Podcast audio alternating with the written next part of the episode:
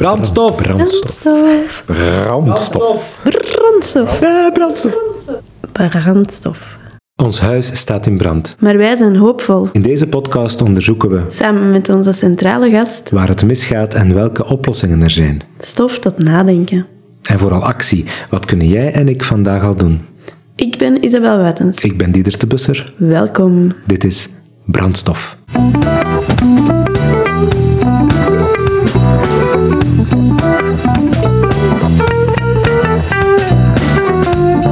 Goedemorgen. Goedemorgen. Dag eh, Isabel, dag Nick. Nick Mennen, ehm, welkom in onze studio. Deze Dank. keer in Mechelen. Dank u. Nick, je bent geograaf, schrijver, onderzoeksjournalist. Ehm, je publiceert onder meer regelmatig in de Mo, een magazine. Ook medewerker van de EEB, dat is, eh, als ik het goed heb, het grootste netwerk van milieuorganisaties in Europa. Dat eh, schijnt zo te zijn, ja. Ja. En voor de Vlamingen onder ons, eh, kunnen we dat wat vergelijken met de BBL, maar dan op Europees niveau? Voor de Vlamingen is het gemakkelijkst om te begrijpen als de Europese BBL. De Europese. BBL is lid van ons, net zoals 160 andere BBL's uit heel Europa. Uit Europa, fijn. Bond Beter Leefmilieu. Ja, ja, Bond? Beter Leven. Juist. Niet, niet de bank Brussel Nee. Lambert. nee, nee, dat zou het heel anders zijn. Ja. Oké, maar daar, daar gaan we het eigenlijk niet over hebben, Nick. We gaan het hebben over eh, de boeken die jij schrijft. Je hebt er dan een hele reeks geschreven, waarvan wellicht de bekendste Frontlijnen. Een reis langs de achterkant van de wereldeconomie, dat is de ondertitel. Waarom haal ik dat erbij? Omdat een Amerikaanse jongerentijdschrift dat boek vorig jaar in de internationale top 10 heeft gezet van de beste boeken over klimaatverandering. Waarvoor alvast proficiat. Dank u, ja, een fijne verrassing. Maar ook daar gaan we het dan weer niet over hebben, Nick. We gaan het hebben over jouw recentste boek, De Val van Icarus. Met als ondertitel Het virus als kantelpunt. Ja, Isabel, het moest ervan komen. Hè. We gingen het toch eens over het virus moeten Ja, we hebben het lang uitgesteld, we hebben maar het lang uitgesteld. Ja. Nu, ehm, Nick, ik herinner mij nog toen de Engelse vertaling van eh, het andere boek, Frontlijnen, uitkwam. Hè. Dat was januari 2020 ongeveer, zoiets. Eh, ja. Ja. december 2019 eigenlijk. Ja, Zo, ja. ja, Die, die periode. Ik denk dat wij toen eh, op wandeltocht waren en toen zei je tegen mij, oh maar nu gaat het nog wel even duren eer dat ik een volgende boek ga schrijven. en poef, nog geen half jaar later was daar Icarus, met dank aan corona. ja, dat is wel heel snel om zo een boek geschreven te hebben en eh, gepubliceerd te krijgen. Ehm, was er een reden waarom dat je dit zo snel wou? Zeker, eh, om mee te kunnen spelen in het publieke debat dat nu bezig is over hoe we dan, wat we, welke lessen we moeten leren uit deze hele pandemie en uit de crisis die daaruit volgt. En zoals eh, de peetvader van het neoliberalisme, Milton Friedman, altijd heeft gezegd, elke crisis is ook een kans. En dat is ongeveer het enige waar ik het eens ben met Milton Friedman. Daar komen we misschien later nog op terug. Eh, maar Ja, het, is, het wel. is wel zo eh, dat bij een grote crisis dat, dat, dat de kans om de maatschappij grote veranderingen te doen, dat die dan zich stelt. En die kansen zijn heel zeldzaam. Dus ik wou daar op inspelen en dan kwamen we snel tot het idee, laat mij mijn ideeën neerschrijven en daar een, een pocketboek van maken. Oké, want je schrijft inderdaad, dat staat ook op de achterflap, hè, de, de pandemie is geen accident, maar een logische consequentie van de keuzes die de beleidsmakers eigenlijk al decennia maken. Dat is een beetje het uitgangspunt. Hè? Ja, daar is het vertrokken, ja. Ja. Mensen hebben nood aan een uitleg, een verklaring, een hoe, waarom gebeurt dit? En sommige mensen zoeken dat dan in God of in Allah, andere mensen in Bill Gates of in 5G gsm-masten, complotten allerhande, waar ik ook een hekel van heb, gebaseerd op ja, fake news en verder. En dus ook uit die ehm, waarneming had ik ook echt een behoefte om proberen te kijken wat weet de wetenschap nu al en hoe kunnen we dat duidelijk uitleggen, zodat er niet te veel misverstanden groeien over waar dit vandaan komt, hoe dit gebeurt en zo verder. En dan blijkt al snel dat ja, een heel aantal politieke keuzes die gemaakt zijn de afgelopen jaren, decennia, op zijn minst het bedje gespreid hebben voor dit virus om zich snel te verspreiden, zonder dat het daarom bewuste keuzes zijn geweest van die beleidsmakers om eh, het bedje te gaan spreiden voor een pandemie. Hè. Eh, maar de waarschuwingen waren er ook wel. Hè. Je hebt dat op heel veel manieren, en dat is het eerste deel van mijn boek, van hoe is dit kunnen gebeuren. We hebben het enerzijds eh, losgeschud. Ah ja, oké. Hoe is het? ik aan het hele lijstje Hoe is het kunnen gebeuren, Nick? Vertel Ja, eens. wel. Is dat nu in godsnaam De, de korte of de lange versie, want er zijn, er zijn veel dingen aan te vertellen. Maar ik zal proberen in, in... Eigenlijk, ik heb in mijn boek, in deel 1, heb ik vijf dingetjes eh, geselecteerd die daarom niet volledig zijn, maar die toch eh, een redelijk aandeel hebben in de snelle verspreiding van dit virus. Het eerste is dat we eigenlijk de impact op onze tropische bossen is van die aard dat wetenschappers zelf zeggen dat we virussen uit de natuur losschudden. Door de manier waarop we naar die tropische bossen toe gaan, door daar producten te maken die we dan importeren in Europa, zoals soja, zoals eh, koeien uit Brazilië, en dat zorgt voor ontbossing daar. Dat zorgt ervoor dat dieren die daar wonen in die tropische bossen, eh, uitsterven of op zijn minst gestresseerd geraken en sneller virussen overdragen op mensen die daar actief zijn in die bossen. Via mijnbouw, via ja, eh, in brand steken van bos om plaats te maken voor nieuwe boomplantages die dan, of, of sojaplantages die dan weer dienen voor onze koeien te voederen. En die verbanden die zijn ingewikkeld, maar die zijn wel duidelijk en goed beschreven.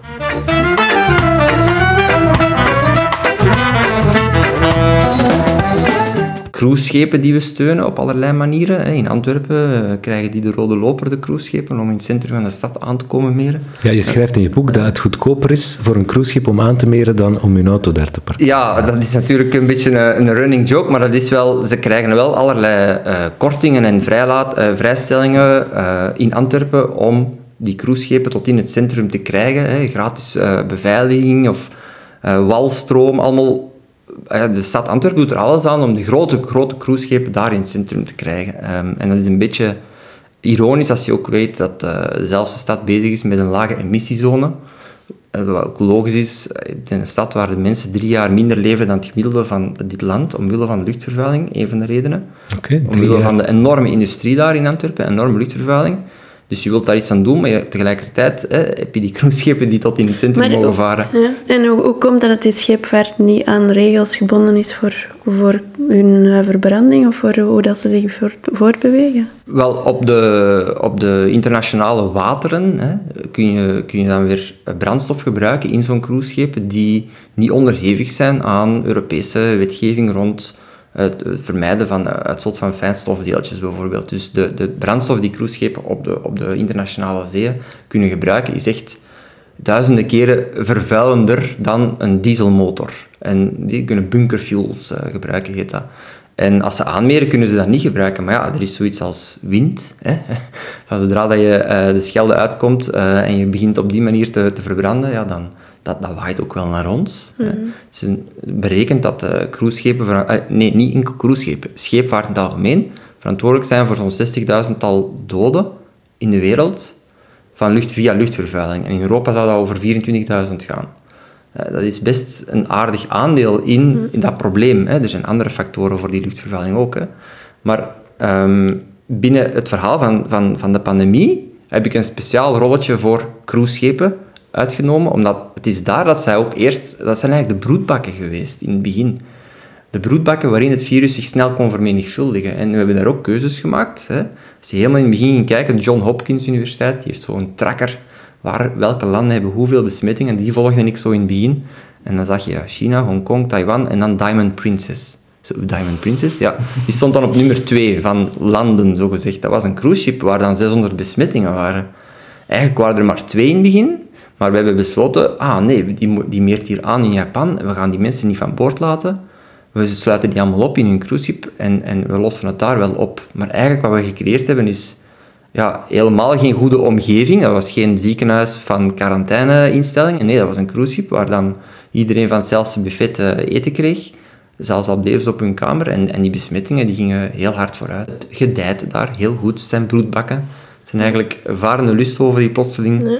Pandemiepaleizen eh, zijn geworden. eh, Waar je niet meer zo gemakkelijk af kunt. Je dacht dat het een metafoor was. hè? Ja, ik had het een beetje opgevat als de metafoor van de manier waarop wij vandaag reizen en ons verplaatsen. Ook. ook ja. Ja, ik, beiden. Ik vond het een, een, een goed voorbeeld om beide redenen. Ja. Het is enerzijds letterlijk, al moet ik ook toegeven, het is niet de grote reden voor de grote verspreiding. Maar het is een kleine bijdrage aan de verspreiding en het is een kleine bijdrage die inderdaad een hoge symbolische waarde heeft. Want op het einde zul je zien dat de factoren die ik aanhaal zijn eigenlijk altijd een extreem uiteinde van een spectrum. In dit geval een extreem uiteinde van ja, toerisme, dat een beetje doorgeslagen is naar uh, ja, luxe toerisme voor de rijken uh, op kap van slavernij van mensen die daar werken. Want een ander factor die, die ik straf vond is, nadat al die mensen van die cruiseschepen vandaan zijn gehaald, zijn die mensen die daarop werken nog maandenlang op die schepen moeten blijven. En zonder communicatie met de buitenwereld, zonder paspoort of geld, die, die waren eigenlijk gevangen op dat schip. Maandenlang. The Guardian heeft daar echt een onthutsende reportage over geschreven, over ja, de vergeten mensen achter die industrie. En, en die waren al onder slechte arbeidsvoorwaarden. En met die pandemie is dat nog eens extra duidelijk geworden dat de kloof, de ongelijkheid zo groot is.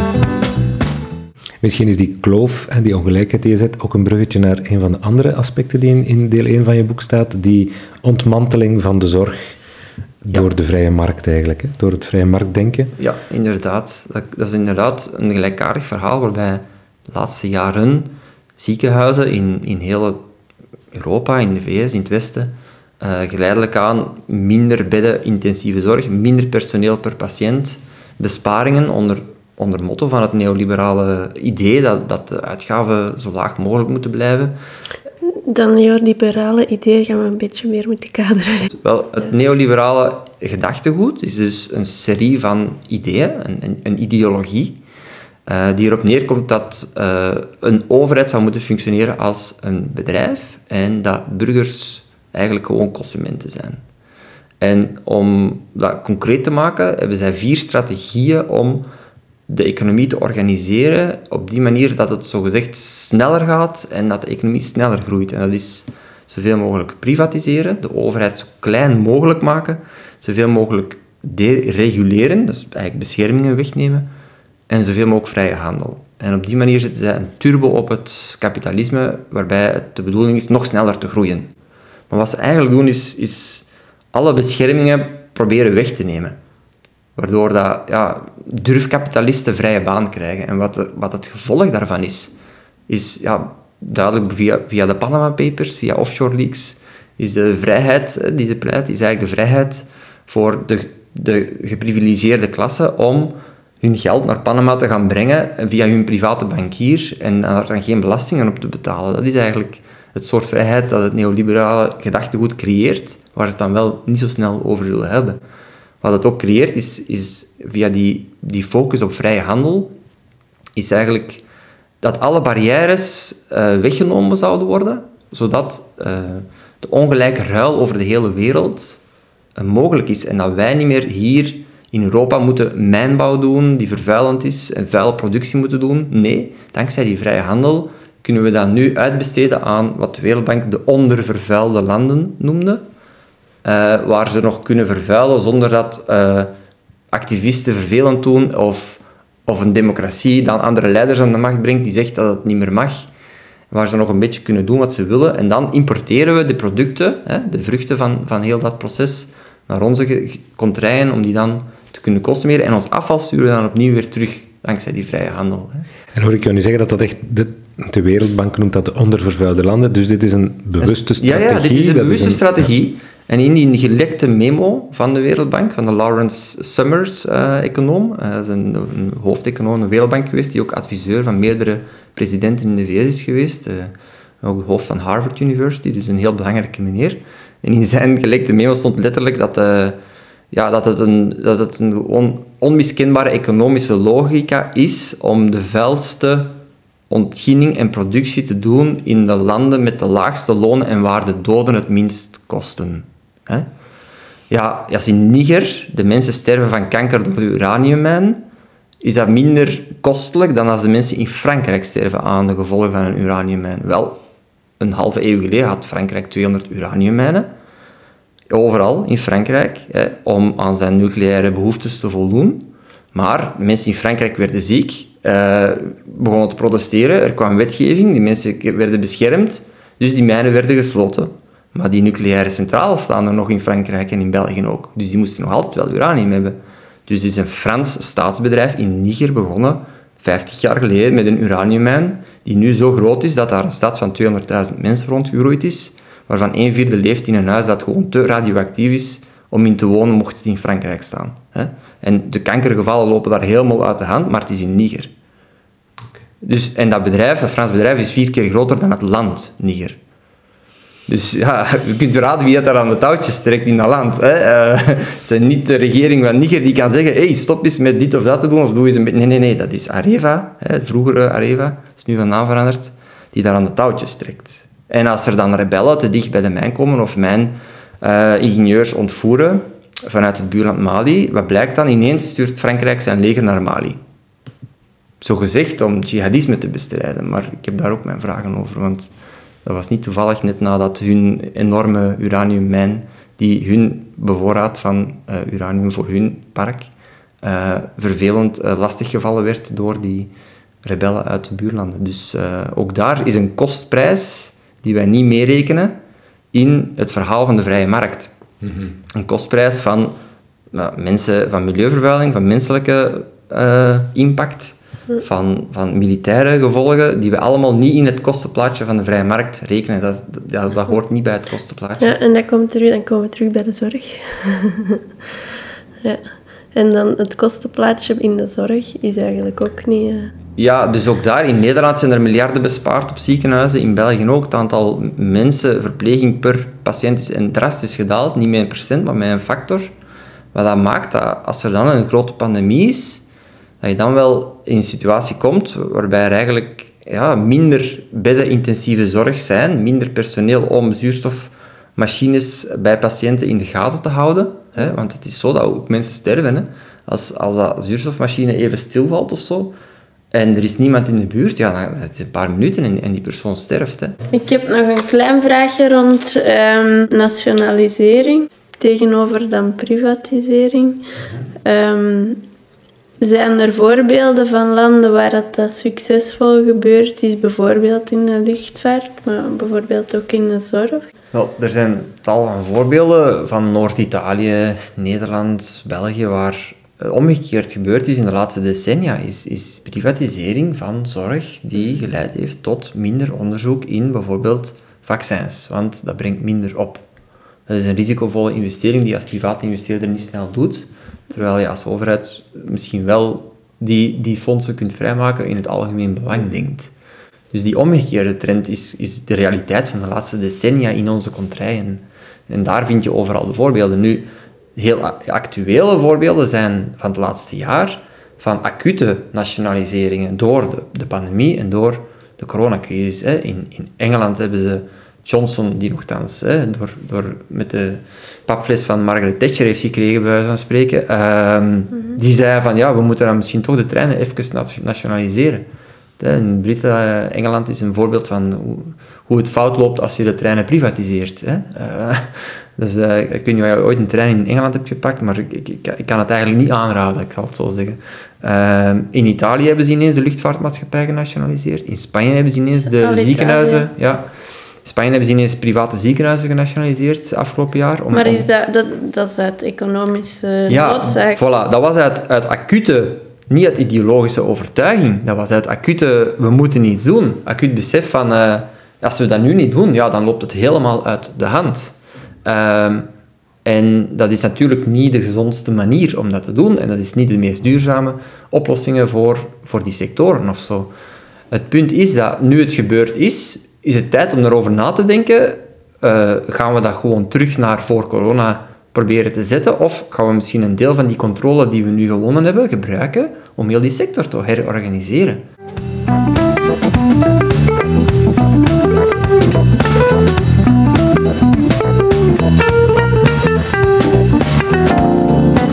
Stel nu dat je zowel de Brussel National, uh, Brussel Airlines als Zaventem Luchthaven, als die, als die hele sector aan, aanleverbedrijven in overheidshanden zou hebben, stel nu eventjes, en dus niet meer 200 miljoen euro aan Lufthansa in Duits, uh, Duitse aandeelhouders zou betalen, die in ruil geen controle geven over wat er gebeurt met dat geld. Oké? Want nu hebben we, dat is wat we nu gedaan hebben. Hè? We hebben geld aan aandeelhouders in Duitsland gegeven, we hebben niks in de plaats gekregen. Behalve, er blijven nog vliegtuigen vertrekken in Zaventem. Ja? Dat is wat ze ons in de plaats. Stel nu dat je dat gekocht zou hebben, en dat je zou zeggen, oké, in de komende 20 jaar moeten we eigenlijk die vliegsector afbouwen, maar we moeten de alternatief voor die treinen. Dan zou je de mensen die werken aan bagageafhandeling in Zaventem via een overheidsprogramma kunnen hertrainen om terug aan bagageafhandeling in treinen te werken, wat er vroeger was. Vroeger kon je aan de NMBS je koffertje geven en zij brachten het ter plekke op je appartementje aan zee. Mijn mama kan nu amper nog naar zee, want ze kan haar bagage niet dragen. En ze kan de trein dus niet meer pakken, hè, want ze heeft last van haar arm. Dus de kwaliteit van treinen kan terug naar een niveau van vroeger gebracht worden. Ook catering op treinen is verdwenen. Catering, mensen die nu voor luchtvaart werken, die kunnen perfect met een kleine heropleiding catering in treinen doen. Maar om die, die mensen dus op te vangen en niet gewoon op straat te zetten, wat er gebeurt als, als een luchtvaartmaatschappij nu failliet gaat, is dat die mensen die ervoor werken op straat staan. Je zou als een overheid kunnen zeggen, wij controleren die twee sectoren, wij doen aan hertrainingen, en we zorgen dat al die mensen werk vinden in die, in die treinsector of in een andere sector. Hm. Dan vang je die mensen op, in plaats van dat je die aandeelhouders opvangt.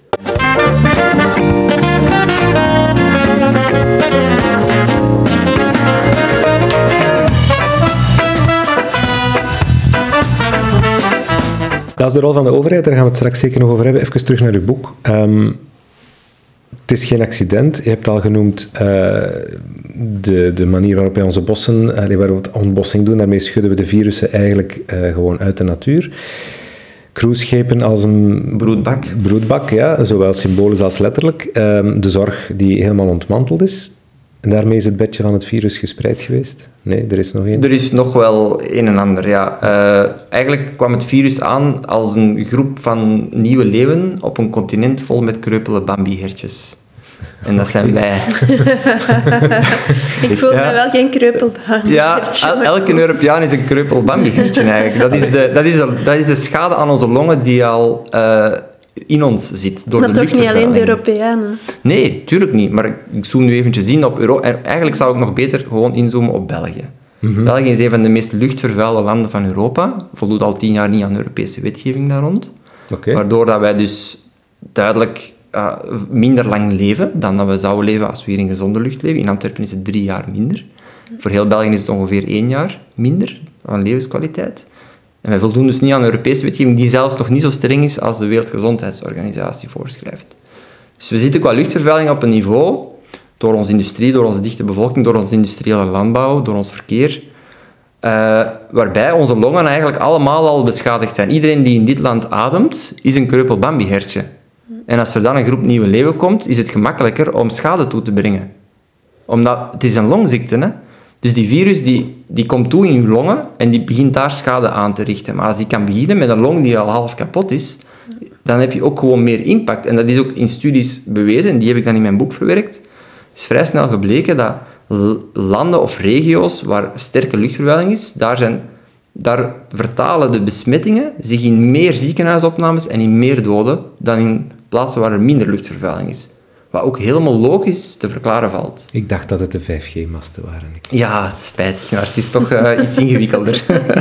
ja, een complottheorie is altijd, heeft eh, altijd iets gemeen. Het is altijd gemakkelijk. Het is altijd een gemakkelijke target die, die we de schuld kunnen geven. Maar helaas, de realiteit is vaak veel ingewikkelder. Ja, ja. ja.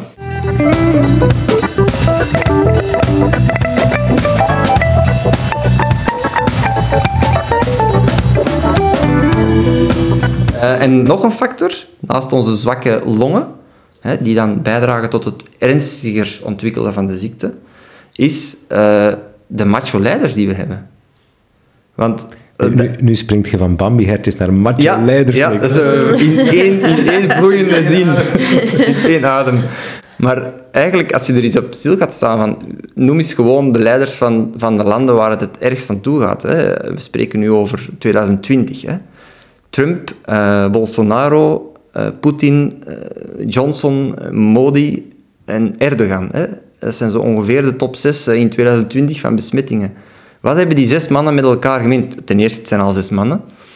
En mag ik zeggen dat het alle zes machos zijn? Ik denk dat we daar weinig discussie over hoeven te voeren. En wat hebben machos nu gemeen met elkaar? Wat, wat definieert een macho? Dat is iemand die veel risico's neemt, heel stoer doet en geen zwakte wil tonen. En dat ook zo uitstraalt. Hè? Dus vooral geen zwakte tonen. Hè? Ja, bij zo'n geval uh, helpt dat dus echt niet als je je bevolking het verkeerde voorbeeld geeft en de verkeerde boodschap uitstraalt. Uh, want wat je doet als leider, als je nu ja, een macho zelf bent, maar niet de leider van je land bent, ja, dan kun je nog zeggen dat is misschien jouw probleem dan, als jij dan ziek wordt door jouw macho-gedrag. Maar als jij leider van een land bent en je geeft dat als voorbeeld, dan volgen miljoenen jouw voorbeeld en dan krijg je dus een, een grotere epidemie. En voor mij is dat ook heel symbolisch, dat macho-gedrag, want machos zijn voor mij ook gewoon het uiteinde van een spectrum aan gender.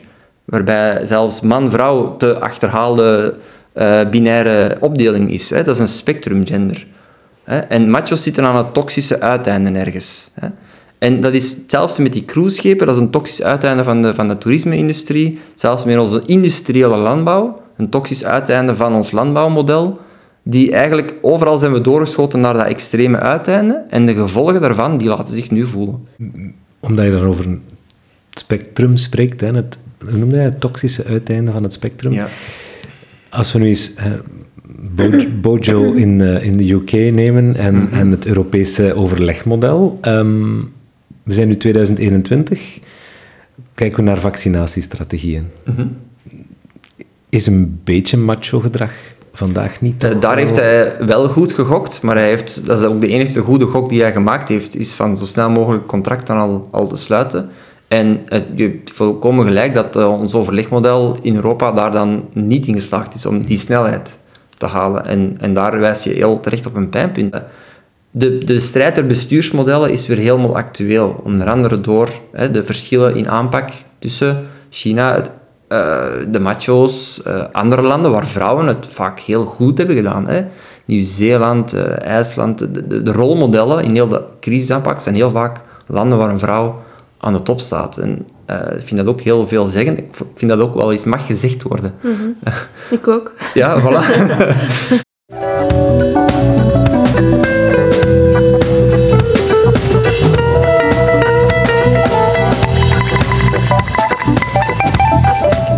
ja, de, de boetade dat de, de wereld een dorp is geworden, is uh, met deze pandemie precies weer heel duidelijk. Uh, er zijn inderdaad 100.000 uh, Chinezen op zijn minst die in Noord-Italië in, in lederbewerkingindustrie en zo werken. En er zijn directe vluchten van Wuhan naar Rome en Milaan. dus ja, de interacties over de hele aardbol zijn enorm snel toegenomen in de laatste halve eeuw. Hè. Um, en dat is bewerkstelligd ja, door ja, een, economische ideologie die vindt dat geografische grenzen niet meer van tel zijn. Dat de aarde plat moet zijn, een plat speelveld voor iedereen.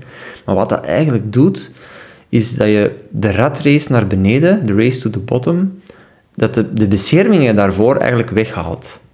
Want wat gebeurt er, is, is elke werknemer uh, moet nu kunnen concurreren met eender welke andere werknemer, eender waar in de wereld, die bereid is om voor in Bangladesh misschien 1 euro per uur te werken. Hè. Uiteindelijk, het basisprincipe is gewoon het Ricardo-principe van produceren waar het het gemakkelijkst, goedkoopst is en dan verhandelen.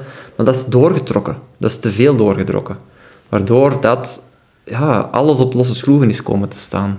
Je hebt al een paar keer gezegd, hè, race to the bottom, of aan de andere kant, we zijn, we zijn te ver doorgeschoten. Vandaar de titel De Val van Icarus. Zijn we, zijn we, is de val ingezet? Niks, zijn we wel, kort uh, bij de zon aan het vliegen? Ja, ik denk dat dat nu wel duidelijk is. Hè. De hoogmoed komt voor de val, komt van het verhaal van Icarus, die met zijn veren ontsnapt van een eiland. Uh, zijn vader had hem gewaarschuwd. Uh, ja, ik maak veren voor jou, hè, maar ze zijn met, met wax aan elkaar. En uh, je mag niet te laag vliegen, hè, want anders slokken de golven je op. Maar ook niet te hoog, want dan smelt de wax van je veren aan de zon. En dat is het verhaal van, hè, je moet ook niet te laag mikken in het leven. Hè, want dan slokken de golven je op. Maar je moet ook niet hoogmoed hebben, want dat komt voor de val.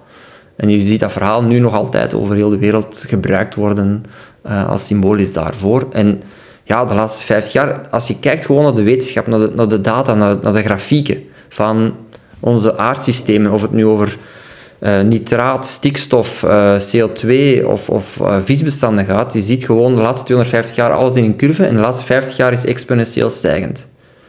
bevolking, eh, uitstoot, eh, milieuvervuiling, alles is exponentieel stijgend de laatste 50 jaar. En dus in die periode is de mensheid misschien wel te dicht bij de zon gekomen. En deze pandemie is daar misschien één kleine knieval. Het is niet de val van Icarus waarin hij echt neerstort en dood is. Ik geloof niet dat de mensheid eh, nu aan het uitsterven is. Ik wou het net vragen, Nee. wat, is er, wat is er met die arme Icarus eh, gebeurd? Die is te pletter gestort, einde verhaal. Maar die is in het water gevallen, hè? Die zijn toch in het water gestort? Ja, er is een zee naar hem genoemd. Hè? Dan leefde het toch ja, dat is waar. De ja. Icarische, de. Icarische zee. Ja. Icarische zee. Maar in de mythe overleeft hij het wel niet. Hè? Eh, en gelukkig denk ik dat op dit moment eh, dat het echt niet aan die orde is. Hè? Maar het is wel zo, de wetenschappers beschrijven, als we zo voortdoen, dat we tegen 2100 één kans op zes hebben dat de mensheid niet meer bestaat. Dat is Russische roulette, hè? Dat is één kans op zes. Dus je steekt één kogel in zo'n revolver waar je zes hulzen hè, plaats hebt. Maar dat is één kans op zes dat we allemaal nog leven? Of Nee, dat we allemaal dood zijn. Dat we er niet meer zijn. Dat er geen mens meer is. Dat is Ja. wat ook in het boek aan bod komt. Dat, Maar zijn- allemaal dan ineens niet meer. dat tegen 2100 er niemand meer is van Ja. mensen. Dat, En heb je dan de andere opties? Zijn dan... Wel, het is nog altijd 5 op 6, dus dat is altijd heel fijn. En ik geloof daar nog altijd in. Hè. Eh, maar maar naar- allee, eigenlijk zegt diezelfde wetenschapper dat die kansberekening die hij maakt, hè, dat is een systeemwetenschapper, in de loop der jaren enkel ja, gestegen is. Omwille van voornamelijk dan onze uitputting van grondstoffen. Ons klimaat is maar een deel van het milieuprobleem. Hè. Dat is een groot probleem. Hè. Dus de stabiliteit van klimaat is heel belangrijk voor onze voeding en zo verder. Maar uiteindelijk, het, ehm, de vruchtbaarheid van de bodems daalt door ons landbouwmodel. En in, een land als Engeland zeggen ze, wetenschappers, ja, we hebben nog 60 oogsten in Engeland en dan is het gedaan. Dan is de hele bodem opgebruikt. En op rots kun je geen eten maken. En als je op deze manier voortgaat met brexit eh, en, en eilandvorming, zal ik maar zeggen, in Hoe noemde Engeland. dat Brexit? Ja, zoiets. En een macho-leider. Ja, voilà. Als die zo voort blijven doen en eh, exportverbod op vaccins, dan, enfin, het ziet er niet al te gezellig uit. En dan hebben ze ook geen bodem meer. Ja, ik weet niet hoe dat ze het gaan doen, maar eh, misschien hebben ze tegen dan een pilletje uitgevonden in plaats van eten. Ik weet het niet, maar echt prettig ziet het er dan wel niet naar uit. Dus we moeten echt iets veranderen. Niet alleen aan ons, aan ons klimaat, maar aan ons hele maatschappelijk model. Maar dat is, dat is wel de rode draad in het boek. En ik, je gebruikt eigenlijk de, de, de pandemie om te schetsen... Kijk, er zijn een aantal systeemfouten die we al tientallen jaren op ons zien afkomen. We zijn Ja. te ver doorgeschoten. En nu is het moment om daar iets aan te veranderen. Maar we gaan niet één crisis aanpakken, we moeten ze allemaal tegelijk aanpakken. Dat is een beetje de, Ja, de ja. rode draad. Het is vaak zo dat je, hè, je hebt financieel kapitaal en je hebt politiek-sociaal kapitaal. Hè. Hoe vaak kun je aan een bevolking vragen om eh, een heel grote omwenteling te doen? Ja, ook niet onbeperkt aantal keer. Hoe vaak kun je een budget uitgeven? Ook niet onbeperkt aantal keer. En eh, beide wijzen in dezelfde richting. Nu is er veel geld gedrukt door de Europese Centrale Bank. En nu gaan we dat geld beginnen uitgeven. Recovery package heet dat dan in Europa.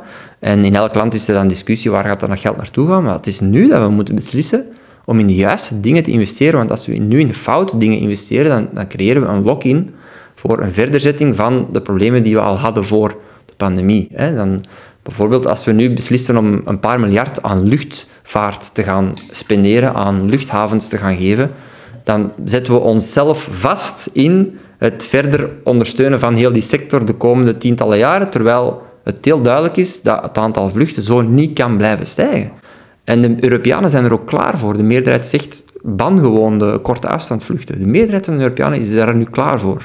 Maar je Maar moet dan... Het is een verschil tussen ze klaar, er klaar voor zijn of zeggen dat je er klaar voor bent en zien er is een vlucht aan 2 euro, ik neem die niet. Ah, wel, dat is dus het probleem. Is dat we de laatste decennia denken dat we met bewustmaking en met individueel consumptiegedrag er gaan geraken. En het resultaat is gewoon nefast. We geraken er niet. Ik heb zelf die vlucht van 49 euro cent naar Zuid-Frankrijk ook genomen. Hè, als student, 20 jaar geleden, die Ryanair mij aanbood. Ik dacht, wauw, oké, ik kan al de Pyreneeën voor 49 euro cent. Wat is deze? Oké, doen hem. Ja. Er komen nog wat taxen bij waarschijnlijk. Ja, pas op, ja, hier en daar, maar toch, het was gewoon waanzinnig. Eh, en ik doe dat nu niet meer, omdat ik voldoende bewust ben of, of ja, gewoon daar niet meer mee kan leven, zeg maar. Maar eigenlijk gaat het daar helemaal dus niet over. De, de curve van vliegverkeer is exponentieel stijgend, ondanks alle bewustvorming. Maar is die curve niet stijgend vooral niet bij ons, maar stijgend in, in Azië? Maar dat ook daar- hier is die nog altijd stijgende. Dus dat is niet enkel daar. Het, gaat, het werkt niet, bewustmaking. Zowel hier niet als in Azië niet. Wat wel werkt, is het afgelopen jaar. Een overheid die die vliegtuigen aan de grond houdt. Punt.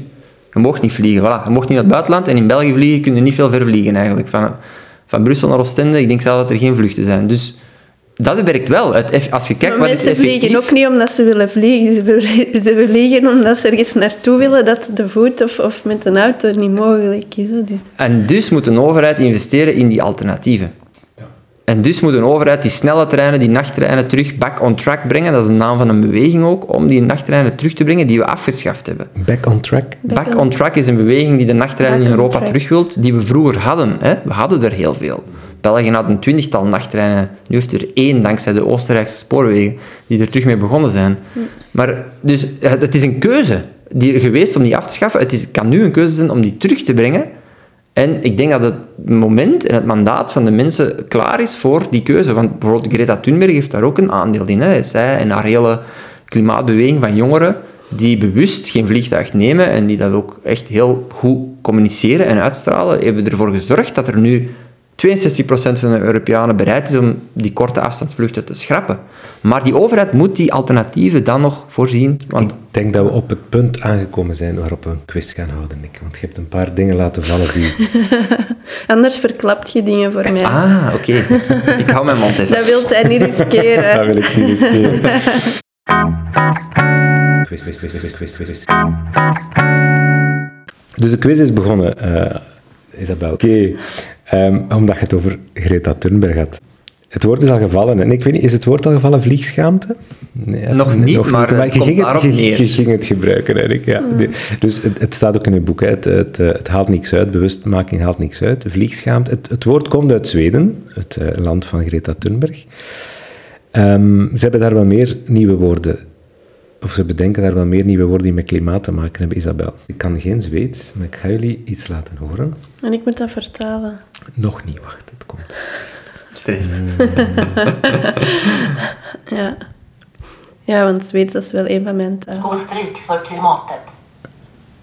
Skålstryk för klimatet. Ah ja, dat versta ik wel. Ja, dat. Schoolstaking. Juist, schoolstaking voor het klimaat. Ja, maar dus ook het woord vliegschaamte komt vandaar. Dat, dat klinkt dan zo. Flygskam. Vliegskamer.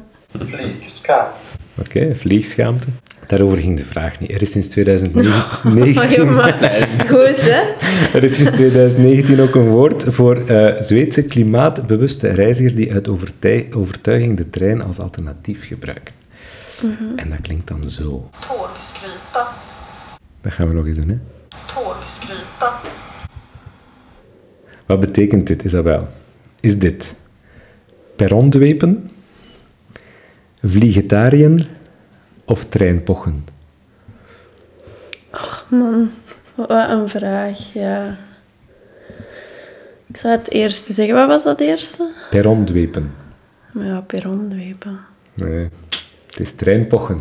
Treinpochen, ja. Ik dacht dat dat... Het, blijkt, het blijkt echt wel te leven. In, de, in, in Zweden is het zo dat vliegschaamte heel erg speelt. En blijkbaar zijn er inderdaad heel veel mensen die... Ten eerste is er ook iets als eh stiekem vliegen.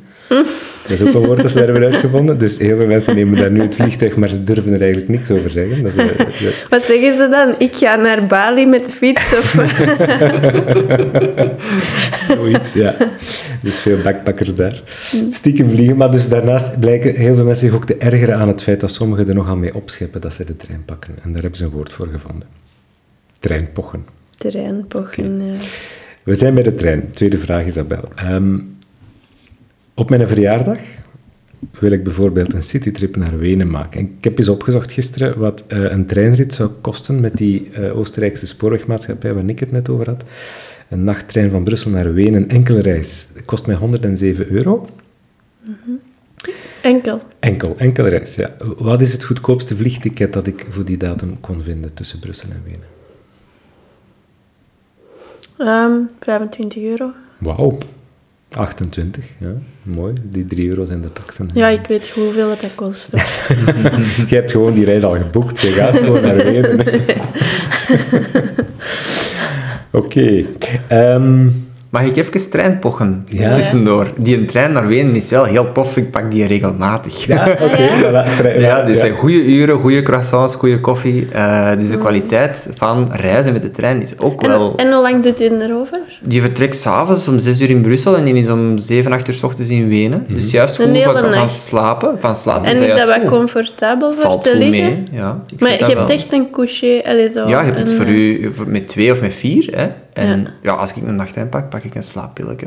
Dat zijn mijn uitzonderingen. Maar dat zijn echt slaap ik gewoon-.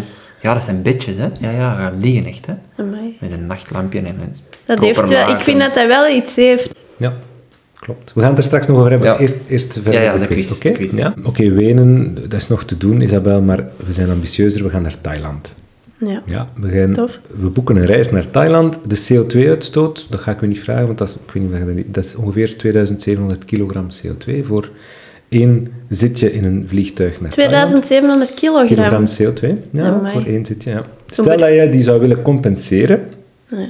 niet via zo'n eh, compensatiewebsite waar je voor betaalt, maar gewoon door je eigen gedrag. Bijvoorbeeld, ik ga een tijdje geen vlees meer eten. Ah ja, Ja, oké. dat kan, hè. Ja, toppie. En, en vlees is toch wel een redelijke... Ja. Weegt serieus door in, in je voetafdruk. Hoe lang zou je vegetariër moeten zijn om één ritje van Thailand naar Thailand te compenseren? Dus 2700 Enkel heen dan. Enkel heen. Ja. Dus ik blijf daar een tijd. Nee, sorry, dit is heen en terug. Dat is een Ah. reis naar Thailand. Ja, 2007. Heen en terug. Ja. Ehm, ik ga u een paar mogelijkheden geven. Ja, is het graag. anderhalf jaar, Ja. drie jaar of zes jaar? Ik zal zes jaar zeggen. Ja, Ja. ja, het is juist. Het is, eh, Veel tofu eten. ja. Dus eh, je, Oh, ik eet dat niet graag, tofu. je spaart ongeveer een halve ton kilogram, een halve ton CO2 per jaar uit door geen vlees te eten. Een halve ton Ongeveer tussen CO2. 460 kilogram. Dat zijn modellen natuurlijk. Hè. Ja. Ja, amai. Oké. Ik eet liever halloumi Ja, ja. dan, dan, dan Dat is zo eh, van die tofu. bak, bakkaas is dat, hè? Ja, een- bakkaas, ja. Oeh, maar daar kunnen we het ook nog over hebben, want dat blijft een dierlijk product natuurlijk. hè. Ja, dat is waar. Maar ja, Oei, oei. ja we Zo, kunnen in de extreme We gaan. kunnen in de extreme gaan, ja. Ik heb nog een paar vraagjes, hè. Maar eh, moet ik Ja. mij dan slecht voelen als ik naar Thailand ga? Of moet ik dan echt zes jaar geen vlees meer eten? Heb ik- Voilà. Misschien is dat een vraag voor... eh, Dan kunt je zes jaar, zes jaar slecht voelen en geen, geen vlees meer. Wat, wat, wat is dan het advies naar mensen van... Wat, wat, wat is dan... Mocht je dan niet meer internationaal vliegen of, of Wel, lange vluchten doen? Ik, heb, ik ga nooit zeggen dat je je daar slecht over moet voelen. Dat vind ik absoluut niet iets dat werkt voor jou, werkt voor mij. Dat is met vingertje wijzen en daar heeft niemand iets aan. Hè? Dus dat proberen we te vermijden. Uiteindelijk is iedereen verantwoordelijk voor zijn eigen daden en ik geloof niet zozeer in, in de verantwoordelijkheid van het individu die dat dan allemaal moet oplossen. Ik geloof dat er een, er een overheid moet zijn die de limieten oplegt, waarbinnen het individu dan de juiste keuzes kan maken. Het feit dat wij nu die goedkope keuzes aangeboden krijgen, dat is voor mij het probleem. En daarvoor moet jij je niet slecht voelen, vind ik. Maar dit gezegd zijnde, hè, eh, wat ik dan in mijn boek ook voorstel, is, is dat we eigenlijk naar ja, bijvoorbeeld een koolstofkredietniveau gaan, een kaart, waarbij je bijvoorbeeld één keer om de vijf jaar nog één intercontinentale vlucht kunt maken. En dan ja, kijk je naar hoeveel koolstofkredieten heb ik daarvoor nu opgebruikt. En als je dan vegetariër bent, dan mocht je, krijg je Dan meer wordt, het wel, dan wordt het wel heel ingewikkeld, denk ik. Maar ik, het is al sowieso ingewikkeld om het te implementeren. Maar ik denk dat, je, dat het meest concrete dat je kunt doen, is dat je binnen de EU, alle vluchten die vertrekken, dat je eigenlijk naast een financiële betaling ook een, met een koolstofkredietkaart zou betalen. Eh, en dat je dus eigenlijk per vlucht kijkt hoeveel kredieten heb ik daarvoor nodig eigenlijk. En dan spreek je een, een klimaatbudget af, een, een koolstofbudget, dat hebben we nog, dat we kunnen gebruiken. En zoveel procent ervan kunnen we via de luchtvaart nog permitteren. Daarna is het op eigenlijk, het budget. En hoe kunnen we dat budget nu eerlijker verdelen? Want het alternatief hiervoor is, ofwel we trekken ons niks van klimaat aan, iedereen doet gewoon voort zoals we bezig zijn, en dat gaat niet. Of we verhogen de prijzen zo enorm dat enkel de allerrijksten nog kunnen vliegen. En dat wil ik ook niet. Dus mijn idee is dan, verdeel de koek die we nog overhouden van vliegbewegingen, net zoals het eigenlijk bij vissen is. Hè. De Europese Unie zegt, je mag maar zoveel vis vangen, want anders allee, collapse van het hele systeem. En dan gaan we het spreken over de eerlijke verdeling van wie hoeveel vis nog mag vangen. Dat is zelfs met hoeveel kunnen we nog vliegen. Ja. Als ik dan kijk naar die lage emissiezone, als je dan in, in Antwerpen binnengaat en eh, je gaat toch met je een auto binnen, allee, of met je vervuilende auto, dan moet je gewoon een boete betalen. Allee, of dan betaalde gewoon een, een dagkaart of, of iets. hè. Mhm. Dat kan dan op die manier ook. Of, of- Nee, dat is niet de bedoeling. Nee, dus, ik vond het een, een opmerking, een terechte opmerking van Isabel. Dus het gaat er niet om dat als je dan vegetariër bent, dat je een hoger koolstofkrediet overhoudt. Of omgekeerd zou je kunnen zeggen, hè, want dat staat ook in je boek, hè, eh, wat is het? Ongeveer 80% van de wereldbevolking heeft nog nooit een, een stap op een vliegtuig Ja. gezet. Ja, Eh, dat wil zeggen dat al die mensen ja, een overschot hebben. Dat zou kunnen aanbieden die aan de mensen die meer willen vliegen dan één keer om de Ja. vijf jaar naar Thailand. Dat zou je wel En nog kunnen doen, denk ik. Ja. inkomen. Maar dan Ja. zitten we toch Ah ja, met- en een alternatief Een alternatief inkomen daarvoor voorzien. Diegenen die nooit vliegen, die Ah, kunnen nee. dan hun overschot inderdaad misschien aanbieden. Ik laat het in mijn boek nog in het midden of we ehm, het koolstofkredietkaartsysteem al dan niet met die, met die eh, verhandelbare werking doen of niet. Ik ben daar zelf... Ik zie daar van beide opties voor- en nadelen in. Hè. Je hebt daar in de UK onderzoek naar gedaan, Tradable Energy Quota, en die hebben dat uitgewerkt in een rapport, en dat is in het parlement besproken. En daar was het dan wel tradable, hè, dus verhandelbaar. Je hebt andere mensen die zeggen, nee, je mag dat niet verhandelbaar maken. Je moet echt gewoon iedereen hetzelfde niveau geven. En, en, en ja, als je meer wilt, wilt vliegen, dat is, dat is, ja, dat is, dat is dan pech. Allee, los het maar op met een trein. Maar ik vind dat, nogal, ik vind dat wel heel moeilijk om het zo streng te doen. Ik denk dat dan gewoon enerzijds het mandaat er niet zal zijn, anderzijds de praktische uitvoering op allerlei problemen zal stuiten. Dus ik ben precies wel bereid om ergens een compromis te maken en te zeggen van... Zolang, het belangrijkste is dat er een plafond is. Dat er zegt van, er mag nog zoveel gevlogen worden door de mensheid. En daarna verdelen we de, hoeveel we nog kunnen vliegen eerlijker. In, want het alternatief is, oh, A, we blijven te veel vliegen, zoals nu. De uitstoot van luchtvaart is nu al 5% van de totale uitstoot. En gaat naar 20, 25% als we zo blijven voortdoen. Dus dat gaat niet. Of het andere alternatief is, ja, we verhogen de, de, we steken de kostprijs van dat vliegen in dat ticket. Hè, want we maken een kerosinetax, we, we, we rekenen de kost van al die luchthavens aan die heel veel schade berokkenen, aan al die infrastructuur, en we steken dat in de prijs van dat ticket. Maar dan heb je enkel de rijksten die nog kunnen vliegen. If I were a rich man. Digga-bidda-gadda-budda-dagga-digga-digga-da. Toch nog eens inzoomen op wat is eigenlijk het probleem met die vliegsector, Nick? Want je hebt al aangehaald die infrastructuur van de luchthavens. Maar dan denk ik, ja, treinen, die hebben toch ook behoorlijk wat infrastructuur nodig. Zo, die, die, die trein die eh, van... Waar was het dat je naartoe gevlogen was? Naar de Pyreneeën. Eh, om een trein door de Pyreneeën te krijgen, vermoed ik dat je toch ook wel wat infrastructuur moet, hè? bergen door. Wel, Wa- Wat is het probleem met vliegen? Je hebt net gezegd de stijging van het aantal vluchten. Eh, we zitten nu, nu is de vliegsector verantwoordelijk voor een kleine 5% dacht Ja. ik, van de uitstoot. En dat groeit tegen 2050 volgens modellen naar ongeveer een kwart van Ja. de uitstoot. Ehm, dat is het probleem, die enorme groei. Eh, Ja, maar dus inderdaad, die luchthavens zelf zijn een onderschat probleem. Die zitten zelfs nog niet in die cijfers van 5 en 25 procent van uitstoot. Want bijvoorbeeld in Nepal plannen ze een luchthaven waar 2,4 miljoen bomen voor moeten plaatsmaken. Hè? Dat is enorm, hè? Dat is, en, en dat is één luchthaven. En wij karteren via mijn werk dan eh, milieuconflicten wereldwijd. En een subafdeling zijn conflicten rond nieuwe luchthavens of uitbreidingen van luchthavens. Hè? In Wenen, in Heathrow, in Nantes, in heel veel plaatsen. En er zijn eigenlijk meer dan duizend plaatsen waar er nu nog luchthavens gepland zijn en waar er aan de bevolking zich probeert te verzetten tegen die uitbreiding of die nieuwe luchthaven. Want vaak komt dat dan in de plaats van vruchtbare landbouwgrond. En dat is een, een heel grote infrastructuur op één plaats. Hè, Die heeft een enorme impact. Jullie hebben hier een podcast gedaan over droogte bijvoorbeeld en over verharding. Jullie weten dat er een probleem mee is met verharding. Hè, In Vlaanderen zijn we van 6 naar 16 procent verharding gegaan.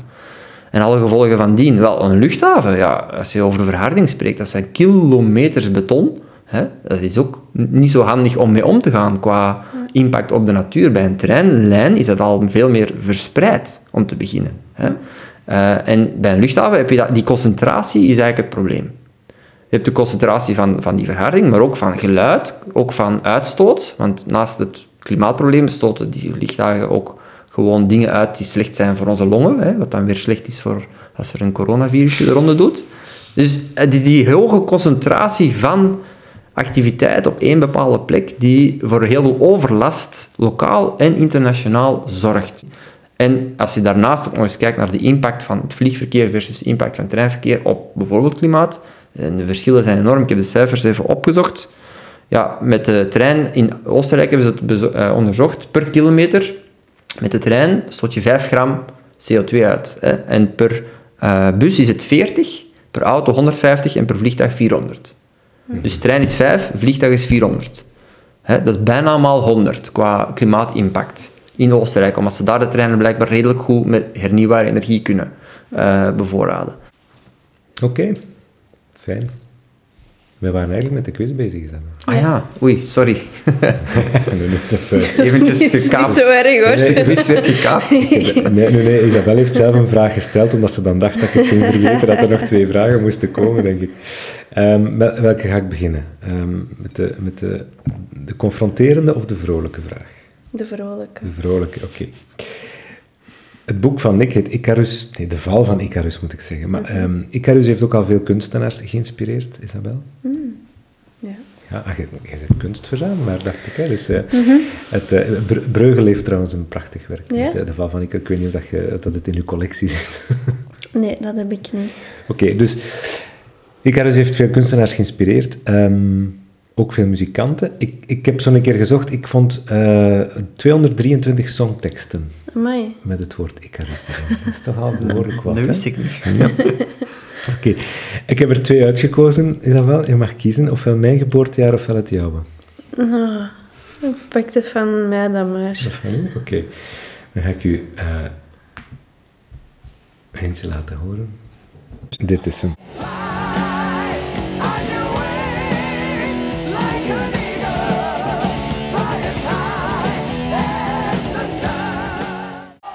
Is het iemand dat ik ken? Het is zeker een groep die je moet kennen, ja. Toch van naam. Ik ben ook nooit fan geweest. Is Icarus al geweest?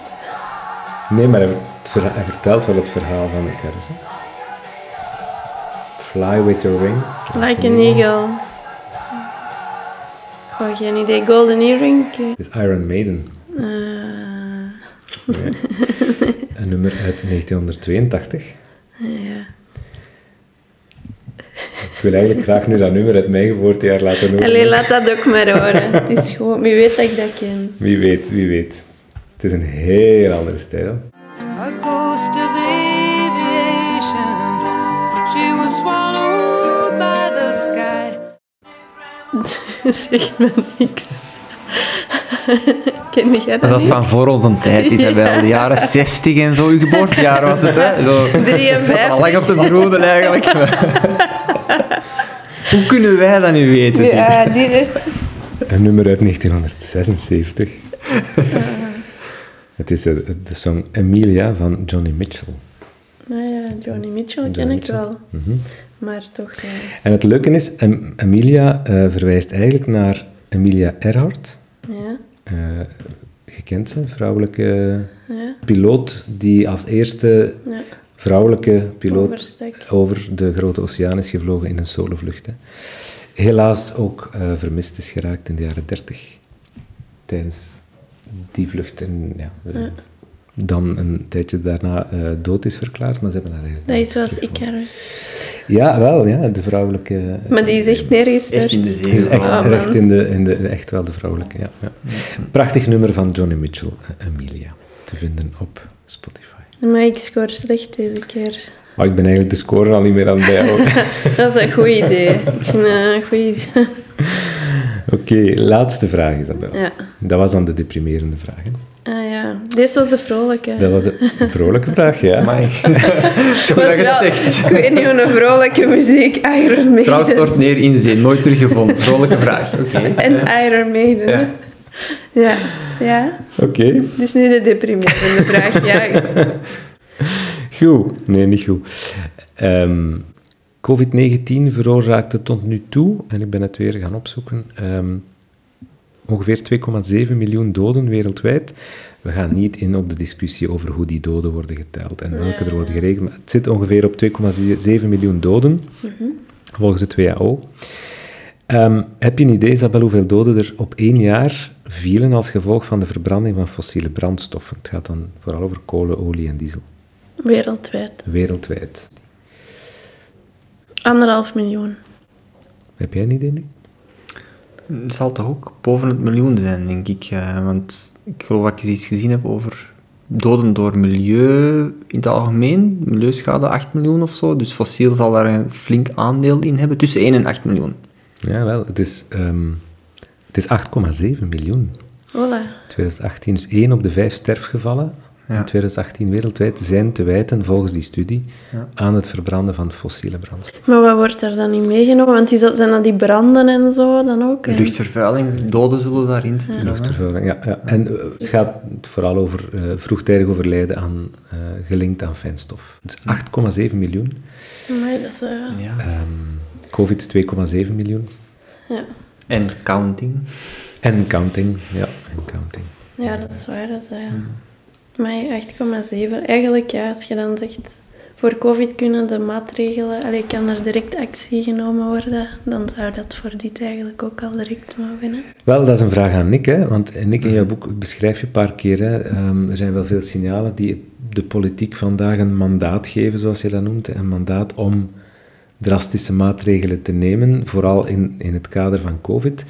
Ehm, hebben ze dat mandaat ook op het vlak van luchtvervuiling, op het vlak van CO2-uitstoot, klimaatverandering? Hier en daar zie je toch mandaat voor eh, iets doen drastisch aan eh, luchtvervuiling. Anderzijds zijn we er ook nog niet. Het mandaat om ehm, even drastisch met klimaat om te gaan als met corona is er zeker nog niet. En zal ook niet zo snel op dezelfde manier komen, omdat het ja, over twee heel verschillende dingen gaat. Eén is een zeer tijdsgebonden acuut iets met direct zichtbare gevolgen en de andere is iets over zeer lange termijn. Het wordt zichtbaarder, hè, door droogte bijvoorbeeld, of door stormen die ons strand altijd elke winter weer een stukje afknabbelen. En zeg je dan ook, het zal, het zal ook duren tot als we meer en vaker geconfronteerd worden met zo'n Wel, acute verschijnselen? Eigenlijk vooraleer- bestaat mijn job uit het proberen te voorkomen dat het tot dan duurt. Want dan is het eigenlijk te laat. Allee, ja, als het hier eh, ja, helemaal... Als het zelfs in België al helemaal eh, het huis in brand staat, hoe moet het dan wel niet zijn in de rest van de wereld? Want aangezien we volgens alle modellen eigenlijk er nog relatief goed mee wegkomen voorlopig. Als, eh, qua ligging hè, van ons land in, in hele gematigde klimaatzonen, hè, niet in de extreme tropen, ook niet in de extreme aan de Noordpool, Groenland, hebben ze ook heel grote gevolgen nu al, omdat de opwarming daar veel sneller verloopt. Eh, en wij zitten er ergens daartussenin, dus bij ons valt het dan nog goed mee. Als het bij ons al heel zichtbaar is, ja, dan is het echt wel veel te laat om nog iets zinvols te kunnen doen, eigenlijk. Nick, om af te ronden. Ehm, wij richten onze podcast naar de gemiddelde luisteraar, die ook iets wil betekenen hè, in, eh, in, in dit hele verhaal. En dat is wat ik daarnet aan het zoeken was. Hè. In, in, in jouw boek is er zo'n term die een beetje evolueert van, eh, eerst noem je hem activisme, en dan in, in deel 2 neem je het woord revolutie in de mond. En in deel 3 las ik goed georganiseerde GroenLinkse muiterij. Ehm, is, is activisme de enige uitweg, Nick? Als wij als burger op tafel willen kloppen, moeten we, moeten we de overheden en de bedrijven meer dwingen? Moeten we harder optreden? Moeten we op de barricades gaan staan? Er moet van alles gebeuren. Het is geen of-of, maar een en-en verhaal. Nick Balthazar ook een gesprek over gehad, jaren geleden, toen hij vertelde waarom hij de klimaatzaak aanspande, die nu actueel is. En ja, hij zei ook, we hebben al betogen, we hebben al leuke filmpjes maken en liedjes maken, we hadden nog geen klimaatrechtszaak. Dat doen we nu ook. Het is een en-en verhaal. Dat probeer ik toch ook altijd wel te onderlijnen. Want als je zo drie woordjes uit een boek plukt, dan riskeer je wel dat de hele context er rond verdwijnt. Maar eh, wat ik wel wil zeggen is, eh, kijk, The Economist, hè, een neoliberaal magazine dat al 150 jaar bestaat, heeft, maakt studies over de staat van de democratie in de wereld, en ook de staat van de democratie in ons land. Hè. En van heel West-Europa is België de meest flawed democracy, dus de slechtste democratie. En waarom? De factor die ze eruit haalden was de gebrekkige participatie van burgers aan het beleid. Wij hebben een particratie, hè, waarbij drie partijvoorzitters eigenlijk de meeste dingen in ons land bepalen. En een parlement dat helemaal niks te zeggen heeft, dat gewoon zijn partijlijn moet volgen. In Engeland of zo is dat helemaal anders. Maar wat er dus ontbreekt, is deelname van burgers aan het beleid wat bijvoorbeeld David van Rijbroek probeert iets aan te doen met de G1000, wat Extinction Rebellion eigenlijk ook probeert te doen, is, is burgers organiseren om politieke eh, eisen op tafel te zetten en daarvoor niet gewelddadige, maar wel collectieve directe acties te gebruiken die echt wel de aandacht trekken. Omdat het de tijd van enkel vriendelijk vragen en betogen eh, blijkbaar echt niet volstaat. In Nederland heb je code rood, die blokkeert 24 uur een, een heel grote centrale voor, voor gasproductie daar, wat daar een heel groot probleem is. Je hebt in West-Duitsland eh, vertrekken bussen vanuit België en de Galande. Dat is een grote, de grootste bron van steenkool ehm, in, eh, in Europa, van emissies van steenkool in Europa. En ze gaan met duizenden naartoe om dat te blokkeren voor 24 uur. En dat zendt, dat is niet alleen 24 uur dat er niet gegraven wordt, fantastisch, maar dat zendt een heel belangrijk signaal. Dat is echt een signaal van als jullie het niet doen, overheden, die, die, die fossiele brandstoffen in de grond houden, dan, ja, dan zullen wij het maar doen. En pikt de overheid dat op? Heeft de Duitse overheid dankzij Ende Gelande... Toch, ja, toch Zijn beleid de- de- het debat over steenkool in Duitsland is daardoor wel echt eh, actueel geworden, op zijn minst. En, en daar, is, het- daar zijn serieuze discussies over gevoerd in Duitsland. Eh, zijn ze al waar ze moeten zijn? Nee. Ze, ze hebben een uitfasering, maar die is nog veel te traag. Dus ook daar blijft er nog veel eh, signalen van burgers nodig. En ik spreek soms met Europese parlementsleden of zelfs met mensen van de commissie.